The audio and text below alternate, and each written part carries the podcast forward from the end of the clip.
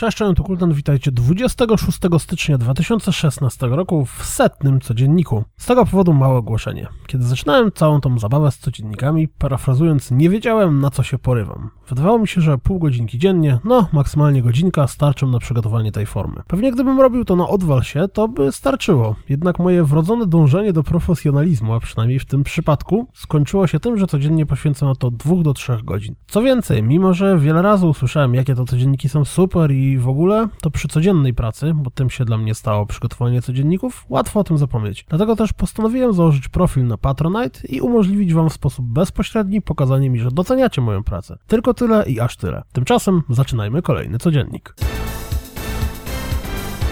Pojawił się fabularny zwiastun Street Fighter V Hadouken!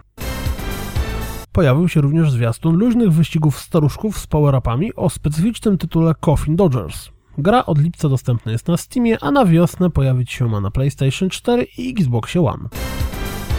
Sega zwiastunem potwierdziła, że remaster Valkyria Chronicles będzie dostępny również u nas. I to już na wiosnę. Zwiastunem zapowiedziano Empathy, klimatyczną, lekko horrorowatą grę o szukaniu różnych rzeczy w śmietnikach. Kiedy ogłoszono, że Crypt of Necrodancer pojawi się w pierwszym tygodniu lutego, padło podejrzenie, że gra zadebiutuje w plusie. Patrząc na wypowiedź z oficjalnego konta twitterowego gry, raczej tak się nie stanie.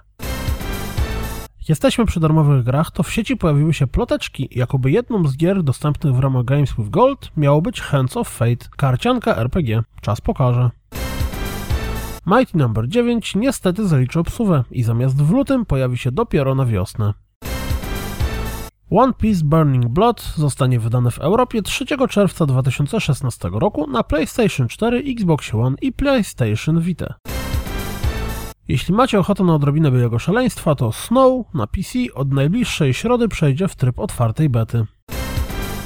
Tymczasem Hideo, który jeździł koleją, dotarł do siedziby Media Molecule. To wszystko na dziś, jak zawsze zapraszam na www.rozgrywkapodcast.pl i mam nadzieję słyszymy się jutro. Cześć!